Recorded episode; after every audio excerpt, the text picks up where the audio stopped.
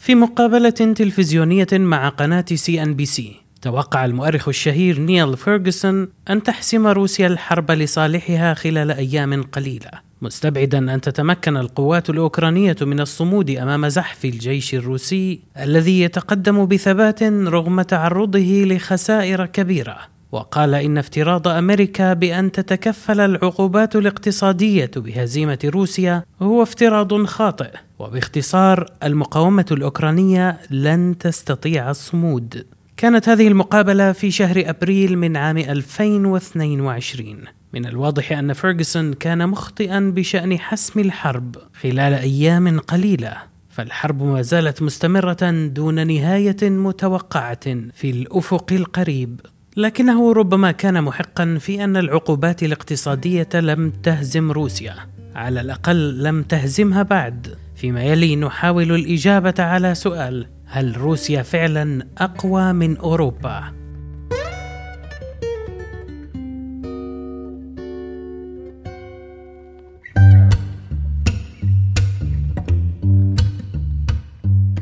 بعد أن عادت أوروبا إلى استخدام الفحم للتدفئة والشموع للإضاءة إثر انقطاع شريان النفط والغاز الروسيين.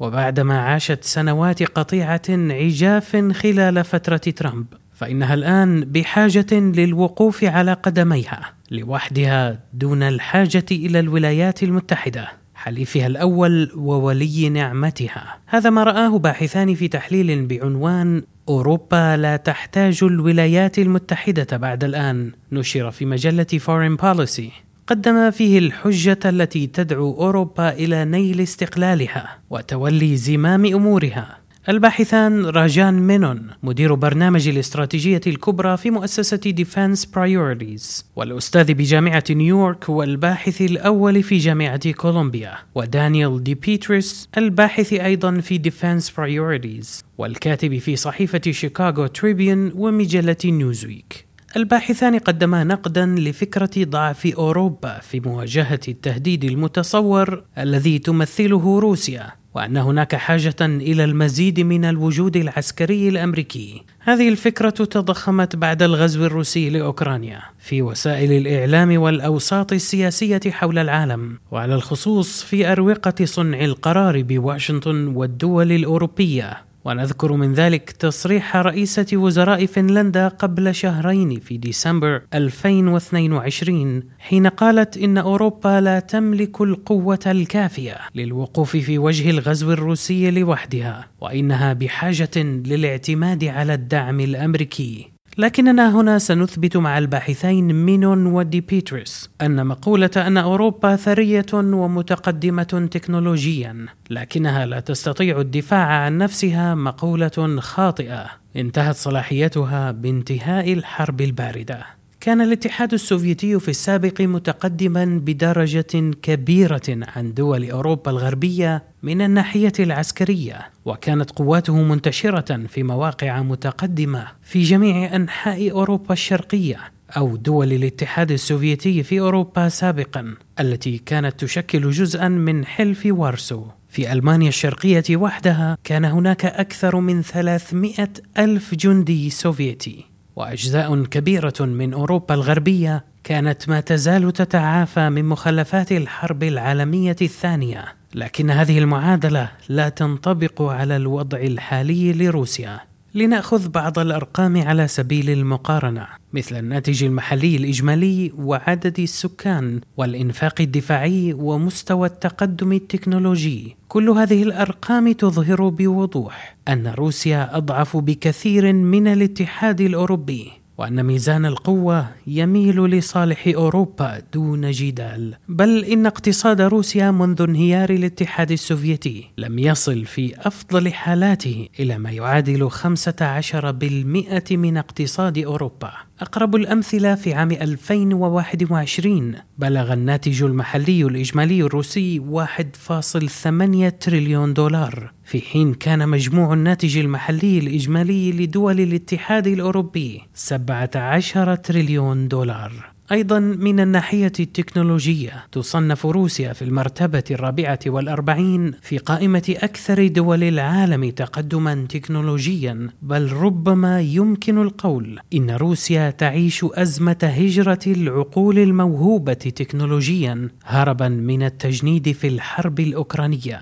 لذلك ربما تهبط مرتبة روسيا في هذه القائمة إلى مرتبة أدنى. أشار تقرير لصحيفة وول ستريت جورنال في نوفمبر 2022 بوضوح إلى أن التعبئة العسكرية للغزو الروسي في أوكرانيا أوقعت خسارة كبيرة في صفوف الكفاءات والموظفين ذوي الأجور المرتفعة الذين ربما كان الهرب من روسيا أسهل عليهم من غيرهم خاصة من ناحية قدرتهم على تحمل كلفته المادية. أقرب الهجرات الجماعية للعاملين في قطاع التكنولوجيا بروسيا حدثت إثر حملة التجنيد التي وقعت في سبتمبر الماضي حين أمر بوتين بتجنيد 300 ألف شخص مما أضر بالاقتصاد من ناحية عزوف الأفراد والشركات عن الإنفاق من جهة وهروب الموظفين بمختلف فئاتهم الوظيفية خوفا من التجنيد. ويذكر التقرير اشخاصا كانوا من مؤسسي شركات واعدة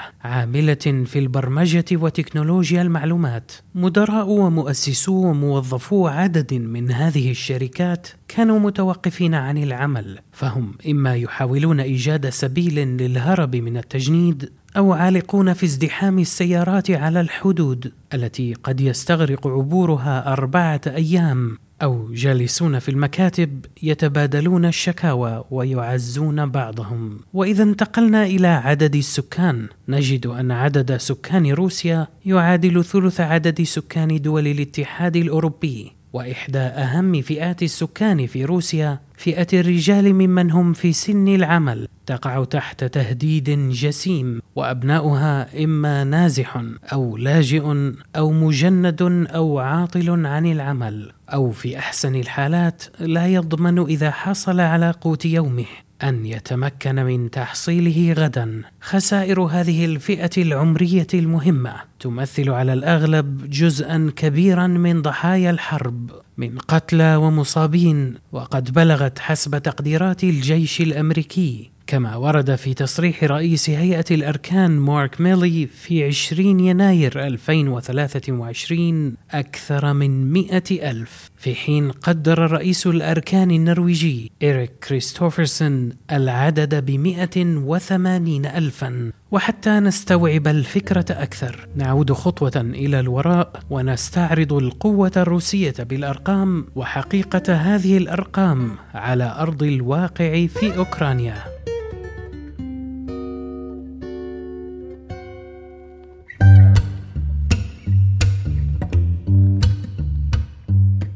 لنتحدث اولا عن القوة العسكرية الروسية.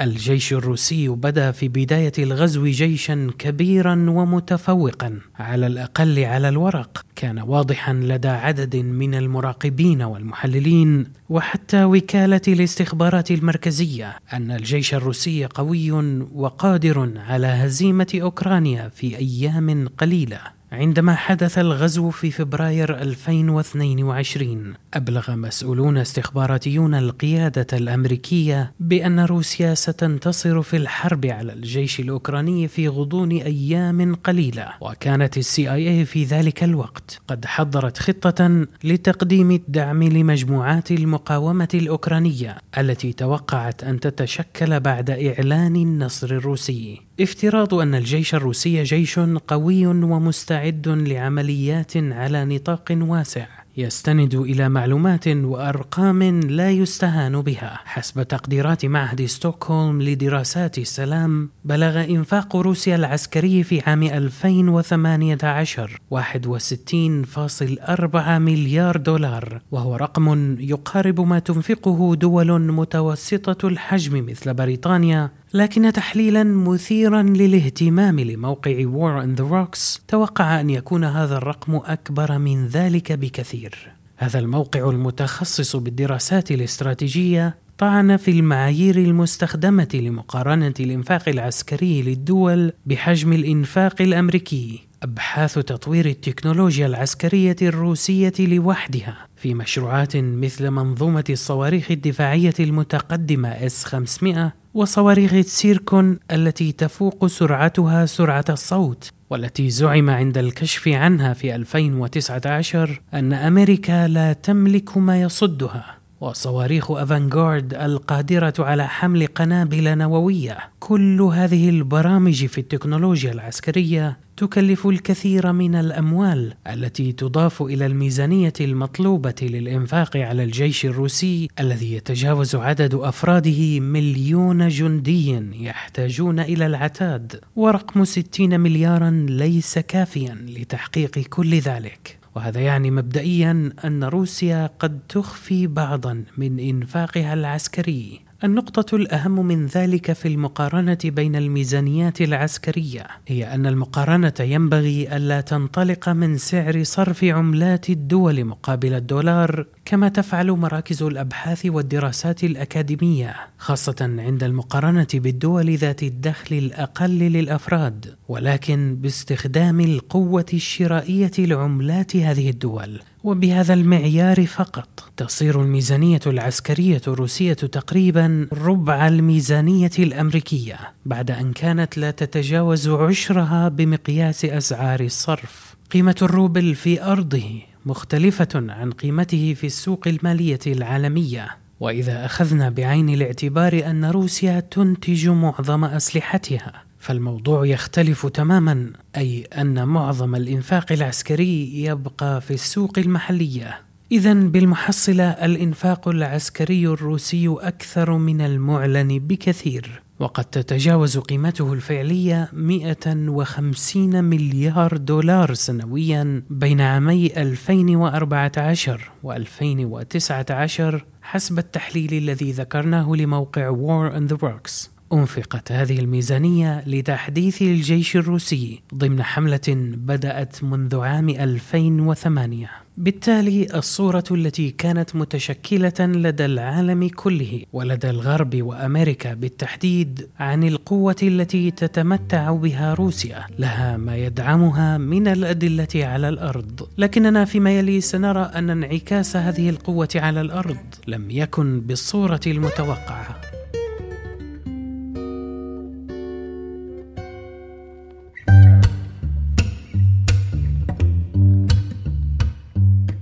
فور بدء الغزو الروسي وعبور القوات الروسية إلى أراضي أوكرانيا أكبر دولة في أوروبا من حيث المساحة بعد روسيا وثامن أكبر دولة في أوروبا من حيث عدد السكان. لم تتطرق تصريحات المسؤولين الأمريكان إلى الدفاع عن أوكرانيا مباشرة لكنها ركزت على تعزيز الوجود العسكري الأمريكي في أوروبا عن طريق الدول المنضوية تحت حلف الناتو. وكأن أوكرانيا في بداية الغزو كانت دولة شبه مهزومة. وفق الاعتقاد الأمريكي. إدارة بايدن أعلنت أنها ستدافع عن كل شبر من أراضي دول حلف الناتو. وأوكرانيا ليست عضوا في حلف الناتو. أضافت أمريكا عشرين ألف جندي إلى ثمانين ألف جندي أمريكي كانوا في أوروبا. ليصير المجموع مئة ألف. وإذا قارنا هذا العدد بالوجود العسكري الأمريكي خلال الحرب الباردة نجد أنه ما يزال أقل بكثير. حينها كان هناك قرابة 300 ألف جندي أمريكي في أوروبا لكن حلف الناتو أعلن في عام 2022 أنه بحلول عام 2023 سيضاعف عدد قوات التدخل السريع ثمانية مرات من 40 ألفا إلى 300 ألف جندي. الولايات المتحدة أرسلت أيضا طائرات أف 35 إلى بريطانيا وصواريخ دفاعية إلى إيطاليا وألمانيا وفي خطوة هي الأولى من نوعها حولت القواعد الأمريكية في بولندا إلى قواعد دائمة. بولندا دولة عضو في الناتو وفي عام 2022 قررت بولندا تخصيص ثلاثة بالمئة من ناتجها المحلي الإجمالي للميزانية الدفاعية ومضاعفة قواتها المسلحة بحلول عام 2030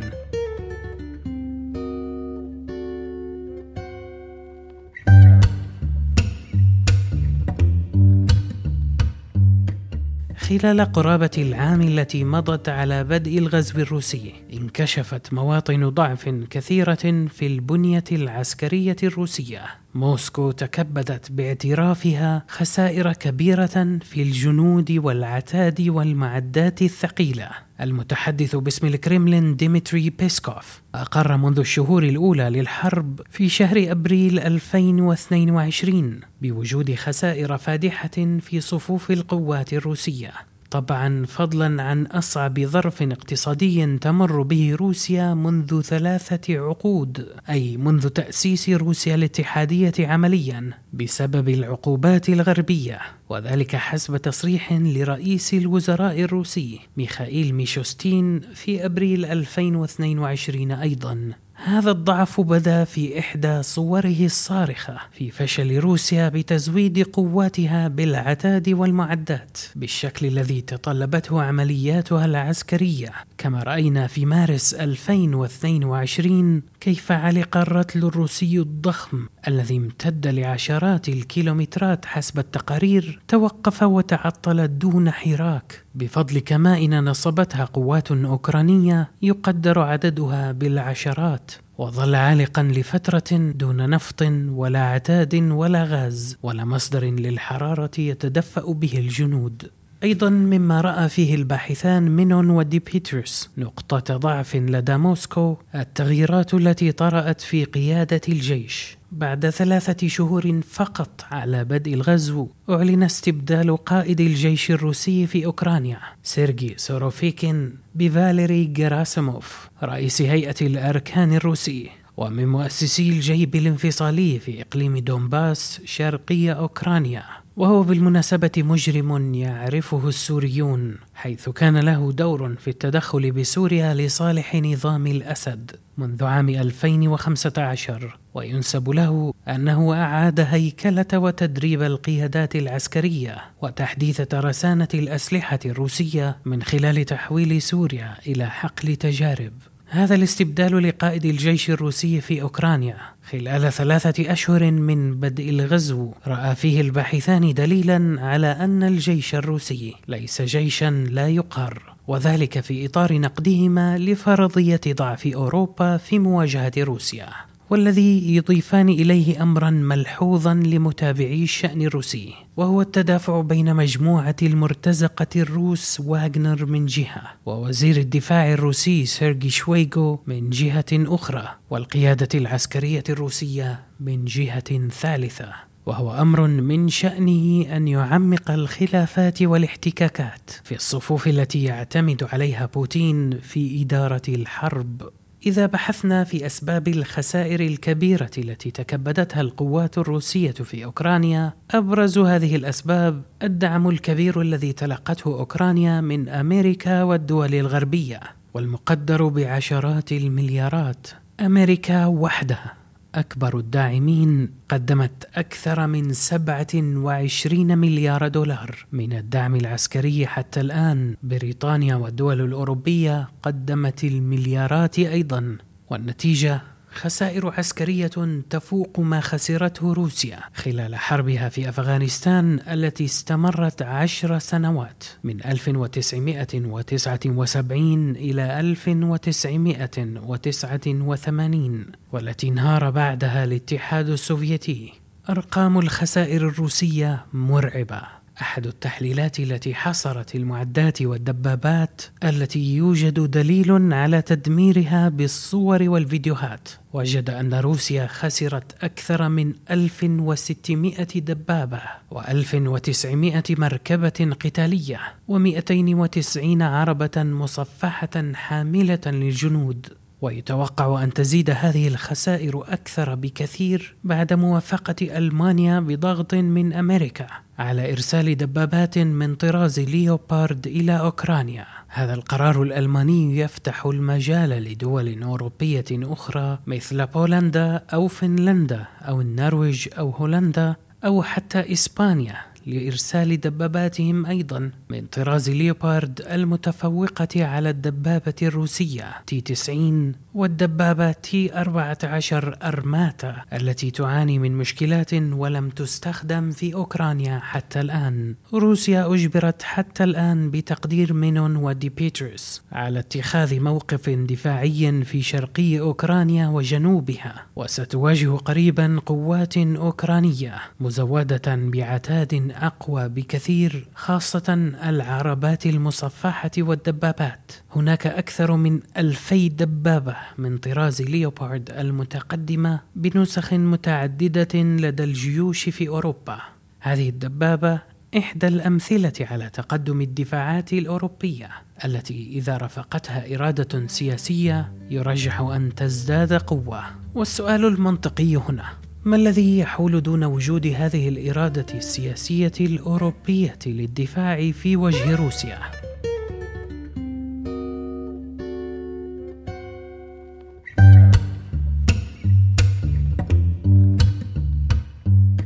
إذا أردنا الإجابة على هذا السؤال، علينا أن نتوجه بأنظارنا إلى الولايات المتحدة وتصورها لدورها العالمي منذ نهاية الحرب العالمية الثانية. منذ ذلك الحين تعد أمريكا نفسها زعيما للعالم الغربي والدول الأوروبية تابعة لها. ولم تكن داعمة لأي توجه أوروبي نحو الاعتماد على النفس واستقلالية القرار الدفاعي والعسكري، بل إن واشنطن عارضت المحاولات الأوروبية في هذا الصدد، بما في ذلك المبادرة البريطانية الفرنسية لعام 1998 التي كانت تهدف لزيادة الفعالية العسكرية للاتحاد الأوروبي. حينها اتفق زعيما فرنسا وبريطانيا على ضرورة تدعيم استقلالية قرار الاتحاد التي يجب أن تكون مدعومة بقوة عسكرية معتبرة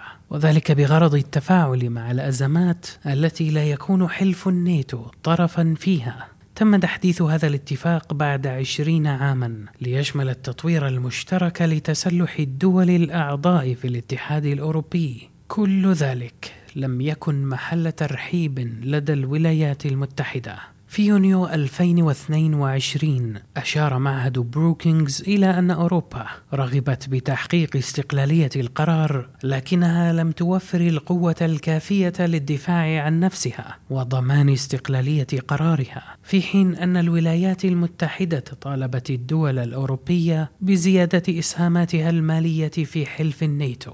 دون إنقاص النفوذ الأمريكي الطاغي سياسيا وعسكريا على الحلف والاتحاد. وحتى نكون دقيقين ليست التصريحات الأمريكية بالرغبة في وجود أوروبا قوية تصريحات مخادعة فأمريكا ترغب في أن يكون الاتحاد الأوروبي أقرب حلفائها قويا. لكن لها في الوقت نفسه رغبة لا تقولها بالصراحة نفسها وهي أن تظل أوروبا معتمدة على الحماية الأمريكية بل ومطاوعة للسياسة الخارجية والأمنية الأمريكية. في عام 2000 واستنادا إلى الاتفاق البريطاني الفرنسي الذي ذكرناه قررت دول الاتحاد الأوروبي تشكيل قوة عسكرية للدفاع عن نفسها في العمليات التي لا يدخل فيها حلف الناتو. أمريكا رفضت هذا القرار رفضا صريحا وواضحا في اجتماع حلف الناتو في ديسمبر من العام نفسه.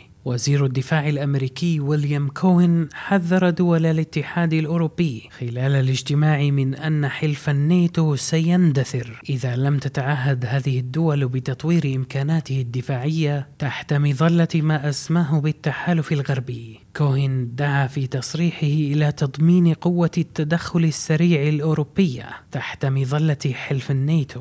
في تعبير للمعارضة الأمريكية لأي استقلالية عسكرية أوروبية. أي استقلالية عسكرية من هذا النوع ستليها بالطبع استقلالية سياسية.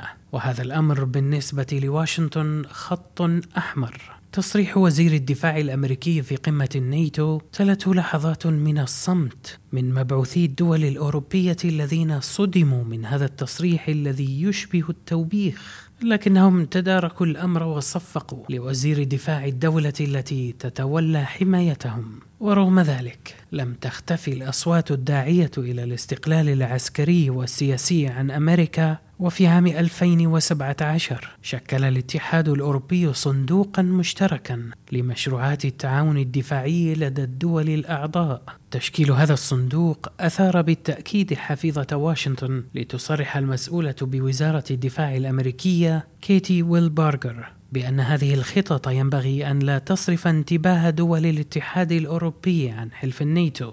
وأن أمريكا لا ترغب بأن تكون هذه الجهود على حساب الحلف. وفي الواقع الدول الأوروبية في غالبية الظروف تتبع التوجه الأمريكي وتؤدي دور التابع. في قرار قد يكون منطقيا إلى حد كبير خاصة أن أمريكا دولة عظمى توفر مظلة دفاعية للدول الأوروبية وأنها وفرت على هذه الدول لسنوات طويلة الإنفاق على تطوير الجيوش وغير ذلك من الميزانيات الدفاعية.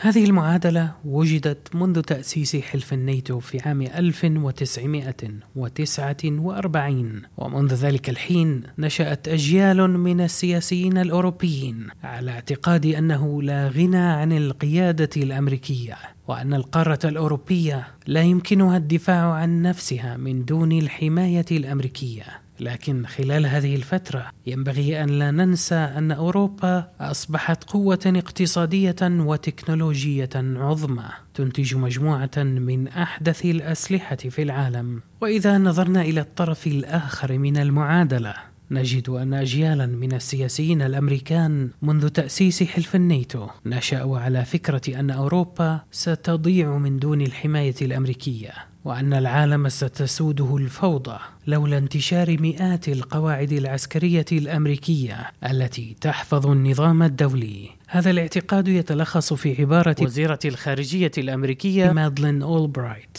التي تقول إن الولايات المتحدة دولة لا غنى عنها. وهي عبارة ما زال يرددها المسؤولون الأمريكان حتى الآن. وفي ضوء ذلك عندما وقع الغزو الروسي على أوكرانيا ترسخ هذا المفهوم أكثر وأنتج القراءة الأمريكية التي تقول إن الطموحات الإمبريالية الروسية في ظل الضعف الأوروبي لابد أن تقابل بزيادة الالتزام الأمريكي غير المحدود بحماية القارة الأوروبية. يرى الباحثان مينيون وديبيتريس أن هذه القراءة الأمريكية خاطئة وأن الحقائق على الأرض تقول عكس ذلك تماما. فالعلاقة الأمنية التي تجمع أمريكا وأوروبا باتت منفصلة عن الواقع.